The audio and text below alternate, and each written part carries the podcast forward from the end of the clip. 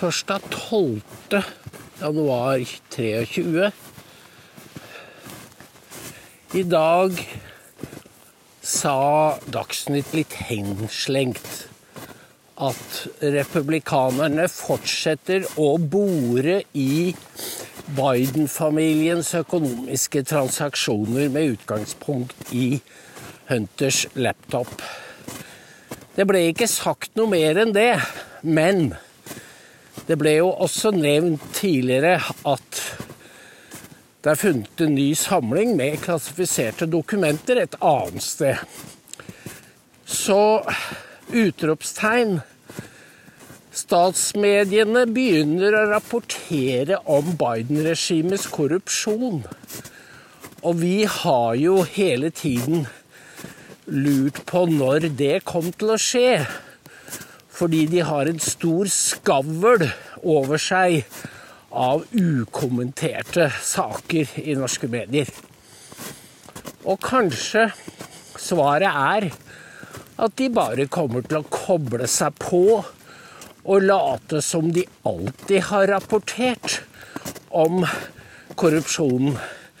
Sånn at de plutselig sier da at ja, Hillary er jo kjent for å ha ødelagt bevis mot seg i 2016. Hunter for å ha drevet med lyssky-affærer og Biden for å ha gjort skummet fløten. Det kan hende de bare kommer til å la vende, vende bladet og begynne på et nytt kapittel og late som det er fortsettelse av samme boka. Det er jo det man på engelsk kalles a tall order. Altså en Det er en svær en svær skuffe. Det er mye å gape over, men skal, det vil jo løse en del problemer. Akkurat når jeg gikk, så så jeg Jyllandsposten hadde en sak om at det er intern uro i Biden-administrasjonen over støtten til Ukraina. Fordi advarslene går begge veier. Russland advarer også Amerika om at hvis de fortsetter å eskalere, så vil det komme et svar. Og det det særlig var myntet på, var nyheten om at ukrainske soldater skal bli opplært av amerikanere i bruken av patriotsystemet i USA. Det har, begynner nå. Og dette er jo noe av det mest avanserte amerikanerne har, og rådyrt i bruk. Bare spør israelerne. Og allikevel har Biden-regimet bestemt seg for at Ukraina skal få det. Og dermed eskaleres jo krigen. Og en av de som er bekymret, er faktisk forsvarssjef Mark Milley, som i høst har gitt uttrykk for at krigen er blitt det man før kalte mission creep. Det er ingen exit-strategi, og det er det man har krevd det har vært lærdommen av de militære intervensjonene i Midtøsten. Og faktisk helt siden Vietnam at det må være en exit-strategi. Hva er formålet ved oppdraget, og hvordan, når avslutter vi det? Og hvordan kommer vi oss ut? Så hvis det stemmer at Millie har advart internt, så er jo det ganske oppsiktsvekkende. Han skal jo lede sammen med Lloyd Austin en ny 40-landskonferanse i Europa om støtten til Ukraina. Så vi får se om det kommer noen nye signaler. Uten denne støtten så er jo Ukrainas sak mer eller mindre tapt. Man har manøvrert seg inn i et hjørne hvor man må følge opp. Og uten å fortelle innbyggerne i Europa hva, hva risikoen er. Her er det mange fallgruber. Så på den ene siden så har du da avsløringene av Biden-regimets korrupsjon og misbruk av politi og rettsvesen overfor Trump.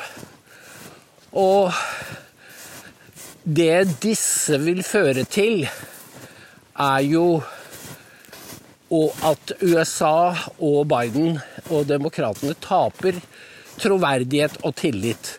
Det vil svekke USA på et tidspunkt hvor USA er engasjert i krig. Ikke bra.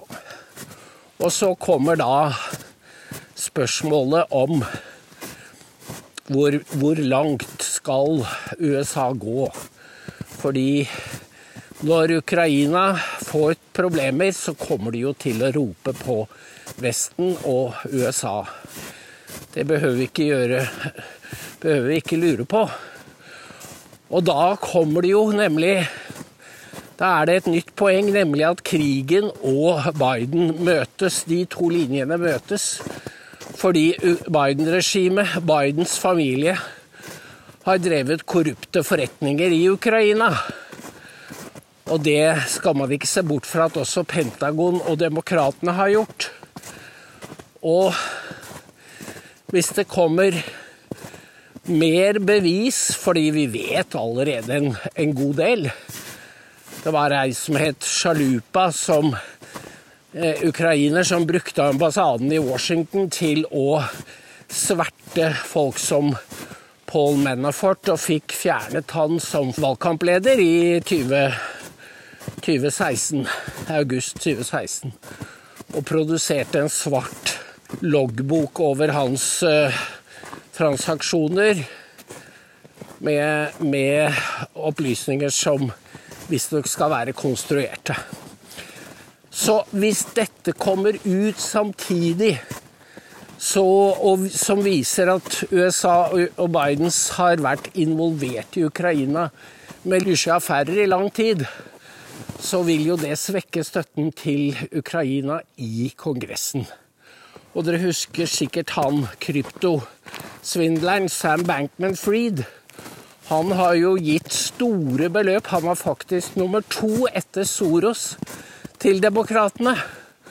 Og her sies det at, at det gikk store summer til demokratene via Ukraina. Og republikanerne ber om audit, altså de vil ha revisjon av alle pengene som er betalt. Nå sier Jim Jordan sier nå er de kommet opp i 120 milliarder dollar. Og hvor blir pengene av? Det vil Kongressen vite. Og hvis det først kommer Hvis det først kommer frem at det har vært uetterretteligheter, så vil det skape et trykk om å få alle kort på bordet. Og da spørs det da hvor mange svin som demokratene har på skogen. Og jeg tror det er mange. Så får vi se om det også da hvor mange svin Zelenskyj og Kiev har på skogen. Altså, det er en, eh, en indisk dokumentar om Zelenskyj som sier at før, allerede før krigen så kom det jo frem at han hadde kjøpt en villa i Toskana med 14 rom. Dette står ikke i norske medier. For de ser på seg selv som spinndoktorer for Zelenskyj. Men eh, vi vet jo at Ukraina var et av verdens mest korrupte land, så det er jo bare tull som journalist å skjule det når det er sånne avsløringer. For de kommer for en dag, før eller siden, uansett. Og da vil de slå tilbake på de mediene som har holdt det tilbake. Det er jo en ganske enkel logikk. Jeg tenker jeg, jeg, stopper der, men jeg vil si da at vi har det, all det arbeidet, innsatsen vi har nedlagt i USA i alle de siste sju årene, de får vi nå betalt for. Fordi når NTB og Bring, Aftenposten bringer en story så kan vi sette det i et helt annet perspektiv.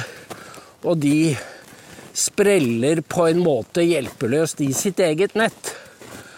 Og som man, du vet, det er flere ordtak som er aktuelle her. Som man reder, så ligger man. Og det er det de, det er det de gjør. De har undertrykt, de har bare villet skildre én side, og den har vært falsk. Og da blir det et hardt fall. Takk for i dag. Hei.